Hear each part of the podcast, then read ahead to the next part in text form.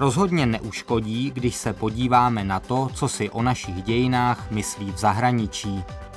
Bohemistů na světových univerzitách rozhodně nepůsobí velké množství. Italský historik Francesco Cacamo vydal knihu nazvanou La Čekoslovakia al tempo del socialismo reale, regime di senso esilio, tedy v českém překladu Československo v době reálného socialismu, režim Dissent Exil, kterou vydalo římské nakladatelství Dante Alighieri. Ukázky čte Lucie Vašinková, režii má Irena Hýsková a k poslechu dnešního dílu pořadu Ex Libris vás zve Ondřej Houska. Ex Libris.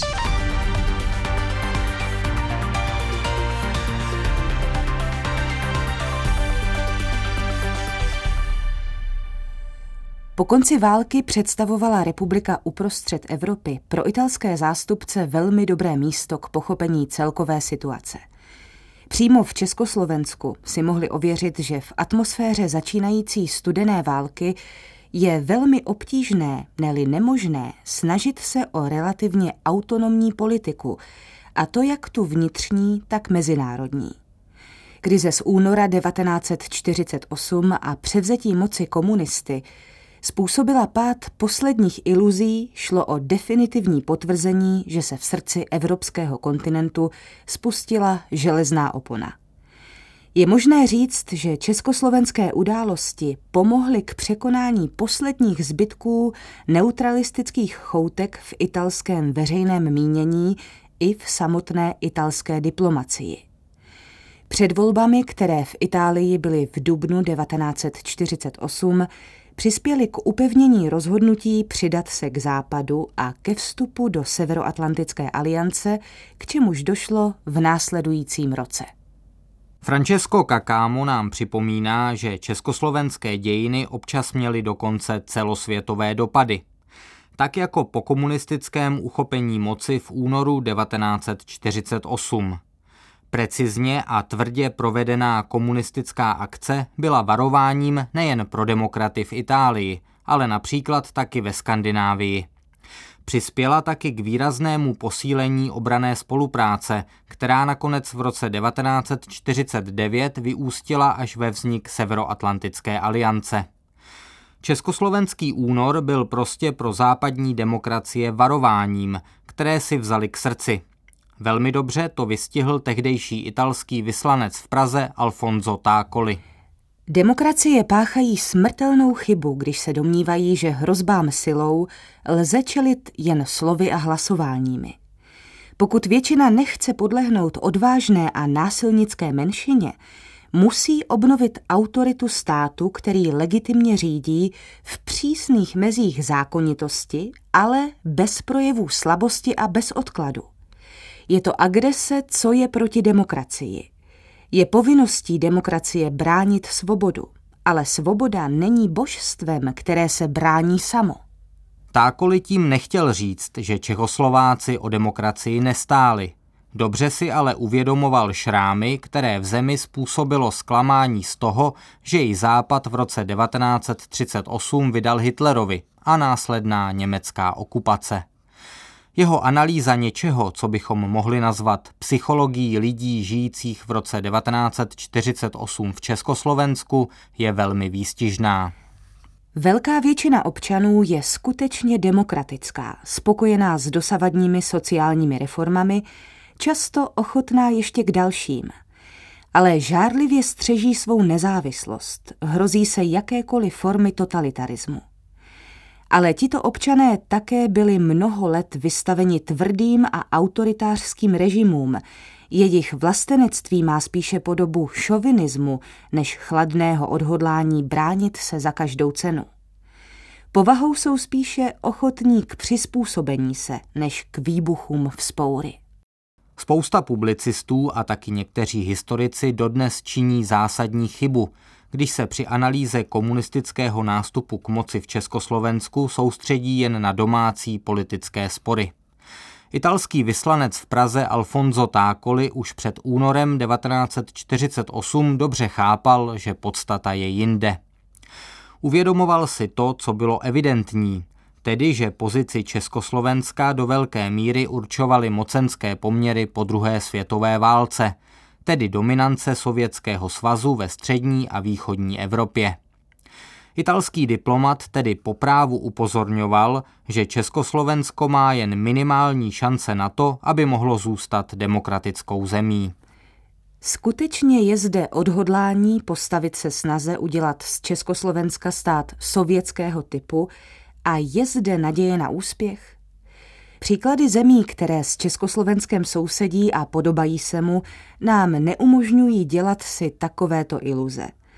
Nezdá se být možným, že by si tento stát mohl myslet, že by se dokázal vyvázat z osudu společného všem jeho slovanským bratrům a mohl zůstat neutrálem, nacházejícím se na východní straně železné opony. A uchovat si přitom demokratické svobody, autonomii a potřebnou hospodářskou pomoc ze západu. Československo se až příliš dlouho nacházelo v podobném privilegovaném postavení, kdy bylo cílem lichotek ze západu a láskyplných výtek z východu. Skutečně, bylo spíše otázkou času, kdy se v Československu prosadí komunistická diktatura. Demokratičtí politici proti tomu mohli udělat velmi málo, byť to samozřejmě neznamená, že se nedopustili vážných chyb.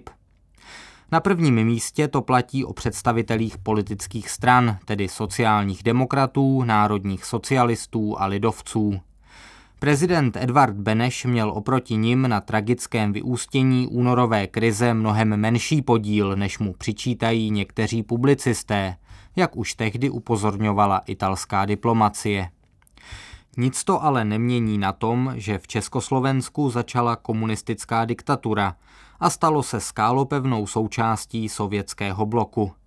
Kontakty se státy na druhé straně železné opony, tedy i s Itálií, byly omezeny na minimum. To ale neznamená, že by byl zemi na Apeninském poloostrově vývoj v opačném bloku zcela lhostejný. Zájem se stupňoval především v době, kdy se v některé komunisty ovládané zemi objevily alespoň trochu nezávislé tendence. Vývoj uvnitř východního bloku a snahy tzv. lidových demokracií získat větší volnost vůči Moskvě měly v Itálii vždy velkou odezvu. Důvodů je mnoho. Geografická blízkost Itálie k železné oponě, status poraženého, s nímž země vyšla z druhé světové války, nedostatky demokratického systému, který následoval po pádu fašismu, fakt, že hlavní složky italské levice ideologicky přitahoval marxismus-leninismus, což neplatí jen o komunistech, ale po dlouhou dobu i o socialistech. Nejvážnější zájem o dění v Československu jevili celkem pochopitelně italští komunisté. V roce 1968 se pro ně Pražské jaro stalo dokonce jedním z klíčových témat. Dá se říct, že italská komunistická strana se k reformnímu experimentu v Československu od počátku stavěla velmi pozitivně. V očích šéfa strany Luigiho Longa a dalších členů vedení Vývoj v Praze a v Bratislavě potvrzoval, že socialismus může být spojen s dostatečně velkou úrovní demokracie a je proto možné získat podporu mas. Na některé výstřelky ovšem pohlíželi s podezřením či rovnou nepřátelsky. Šlo o ultraliberální myšlenky, jak to nazývali ekonoma Oty Šika, sklony části médií k anarchii poté, co byla zrušena cenzura a které byly později vzhledem ke komunismu vyjádřeny v dokumentech jako 2000 slov. Italští komunisté věřili, že jejich českoslovenští kolegové zvládnou udržet radikálně reformní nebo přímo podvratné tendence pod kontrolou v rámci svého autenticky socialistického projektu. Polednový kurz se jim zdál slibný i z mezinárodního hlediska. Lojalita Dubčeka a dalších členů vedení socialistickému a protiimperialistickému bloku se zdála být mimo pochybnost. Rozvoj vlastní československé cesty, tedy socialismus s lidskou tváří, zároveň podporoval autonomistické pozice, které vedení italské komunistické strany už dlouho zastávalo. Z jejího pohledu byli Čechoslováci potenciálními spojenci proti těm, kteří tvrdili, že existovat by měl jen jeden model socialismu, tedy proti Sovětskému svazu a jeho ortodoxním spojencům. Italští komunisté byli mnohem samostatnější než například jejich francouzští kolegové. Jednoznačně se to projevilo v jejich reakci na invazi armád Varšavské smlouvy do Československa v srpnu 1968. Provedení strany bylo rozhodnutí Sovětského svazu a jeho spojenců traumatem. Na vojenský zásah reagovalo vyjádřením tvrdého odsouzení. Bylo to poprvé, co italští komunisté vyjádřili otevřeně kritickou pozici vůči Moskvě. Bez pochyby šlo o rozhodující moment, který otevřel cestu stále silnějším pokusům odpoutat se od Sovětského svazu a vedl ke snahám o stále větší míru koordinace s dalšími komunistickými stranami v západní Evropě, stejně tak jako s dalšími levicovými stranami, což v následujících letech tvořilo základy eurokomunistického programu. Italská komunistická strana sice odsoudila okupaci Československa a politiku Sovětského svazu. Neznamená to ale, že se vzdala svých vazeb k Moskvě. Luigi Longo, Enrico Berlinger a naprostá většina vedení si ale dávali dobrý pozor, aby se vyhnuli roztržce se Sovětským svazem a s mezinárodním komunistickým hnutím. Jak zjišťujeme z interních diskusí uvnitř strany i z debat v italském parlamentu, bezprostředně po srpnové krizi italští komunisté k odsouzení vojenského zásahu v Československu brzy přidali vděk Sovětskému svazu za jeho progresivní úlohu a za výdobytky dosažené díky Velké říjnové revoluci. Dopad odsouzení invaze byl nakonec umenšen rozhodnutím vystupňovat polemiku proti západnímu imperialismu a proti válce ve Větnamu. Teprve postupně se italští komunisté víc a víc vzdalovali svým sovětským protějškům. Dospěli až k tomu, že šéf strany Berlinger označil Severoatlantickou alianci za garanta bezpečnosti Itálie. Ale zpět k Československu. V letech normalizace zájem Itálie o něj výrazně ochladl. Ostatně není se čemu divit. A tento nepříliš velký zájem přetrvává dodnes. Bohemisté, jako je historik Francesco Cacamo, ale přispívají k tomu, že italská veřejnost, kterou zajímají dějiny střední a východní Evropy, má tak říkajíc kam sáhnout. Posloucháte Ex Libris, mimořádné knížky pohledem známých osobností. Každé úterý v 8 večer na Plusu. Nelze neupozornit na spoždění, s jakým Češi a Slováci vyjádřili svou touhu po změně ve srovnání s jejich maďarskými, polskými a také východoněmeckými sousedy. Československo tak bylo ještě na začátku podzimu 1989 považováno za jakýsi totalitní ostrov ve středovýchodní Evropě.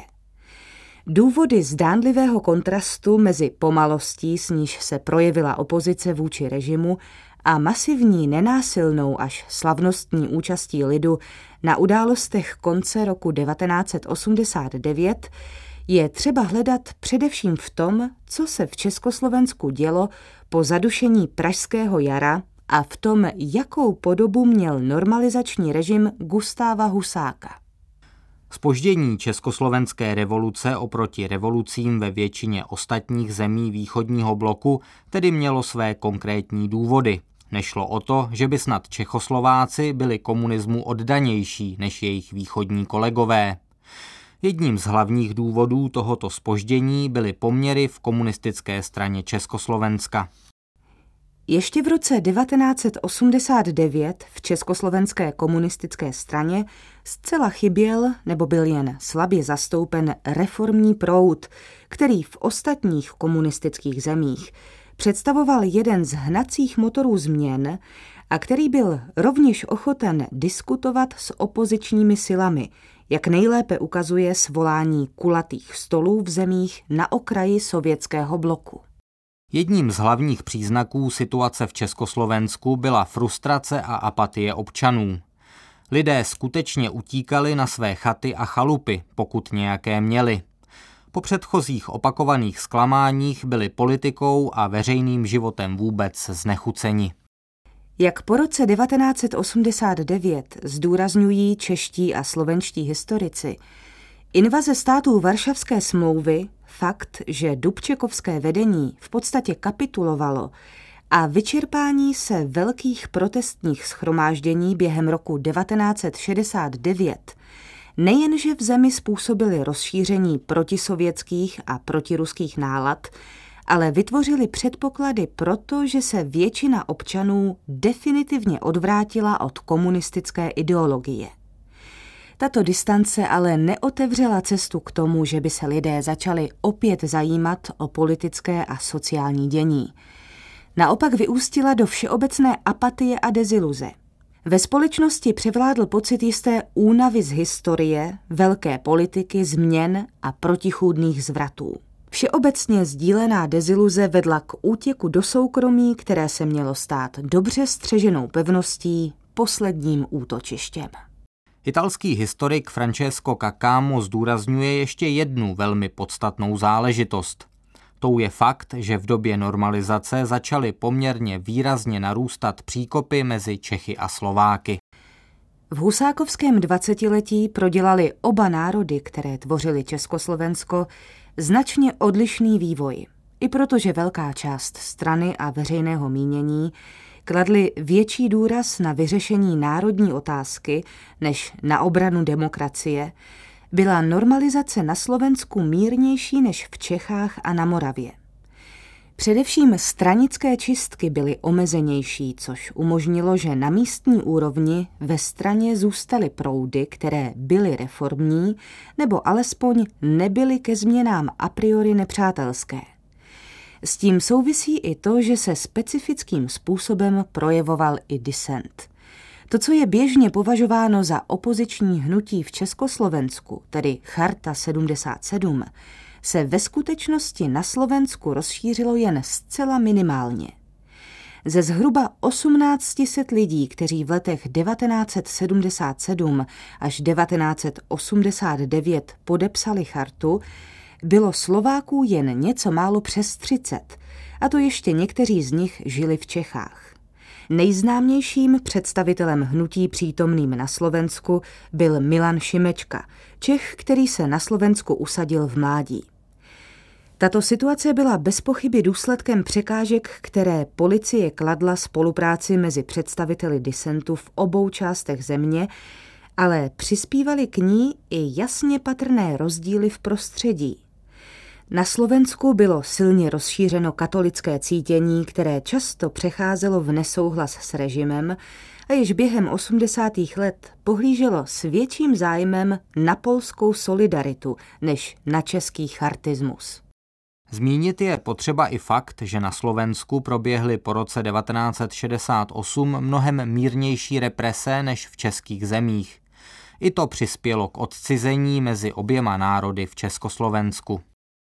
Češi a Slováci zaujali vůči normalizaci a nástupu Husáka k moci výrazně rozdílné postoje. Zatímco Češi dávali otevřeně najevo svou nespokojenost a deziluzi, Slováci zůstali výrazně opatrnější. Velké protestní demonstrace u příležitosti pohřbu Jana Palacha v lednu 1969 a na první výročí cizí invaze následujícího srpna byly téměř výhradně českým fenoménem. Na Slovensku v podstatě neměli odezvu. Podobně i mezi těmi, kteří vyjádřili svou frustraci tím, že ze země odešli a vybrali si cestu emigrace, bylo mnohem více Čechů než Slováků. A také represivní politiky normalizačního režimu se projevily podstatně jinak v českých zemích než na Slovensku. Čistky let 1970 až 1971, které vedly podle odhadů k vyloučení až půl milionu z celkového počtu jednoho a půl milionu členů, zasáhly mnohem více české komunisty než ty slovenské. Dokonce i důsledky vyloučení ze strany byly rozdílné. V případě Čechů vedly k mnohem větší ekonomické a sociální marginalizaci. Nejde jen o samotnou skutečnost, že se vývoj v českých zemích a na Slovensku v mnoha ohledech lišil. Zásadní je samozřejmě dopad tohoto faktu na to, jak na sebe Češi a Slováci začali vzájemně pohlížet. Ve vztazích mezi Čechy a Slováky vzrůstala nedůvěra. Bez ohledu na zlepšený stav ekonomiky, Slovákům vadilo oslabení federální reformy a pražské Slováky, kteří pracovali ve federálních institucích a přestěhovali se do hlavního města, považovali za odrodilce. V jejich očích Československo i po reformě zůstalo centralizovaným státem, v němž byla všechna významná rozhodnutí činěna v Praze.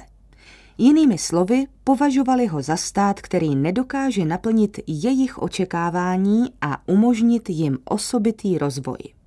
Češi zase nabili dojmu, že normalizace se prosadila za netečnosti nebo přímo s pomocí Slováků.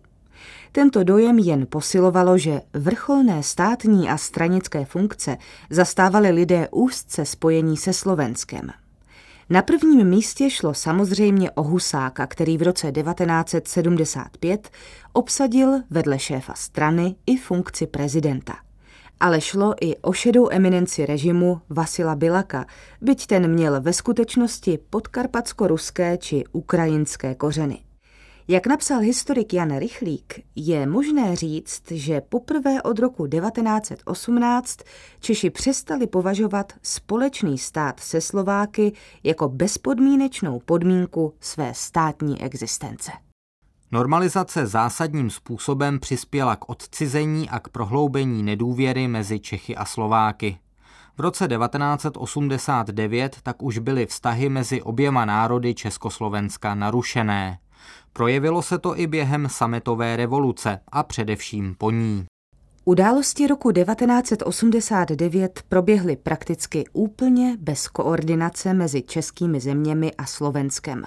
Tento rozdíl byl nakonec tak evidentní, že podle Jana Rychlíka můžeme mluvit o dvou různých revolucích, či dokonce o dvou a půl revoluci, pokud vezmeme v úvahu významnou roli, kterou sehrála maďarská menšina na Slovensku. Zároveň žádná z opozičních struktur nebyla sto prosadit se jako alternativa k upadajícímu komunistickému režimu na celém území federace, ale pouze na úrovni jednotlivých republik. V roce 1992 tak už bylo zřejmé, že společný stát nemá příliš mnoho nadějí na další pokračování. Češi a Slováci si totiž pod tímto pojmem představovali něco výrazně jiného. Zatímco ti první odmítali vše kromě pevné federace, ti druzí se klonili ke společenství republik, které by bylo tak volné, že by bylo vlastně předstupněm pro dva samostatné státy.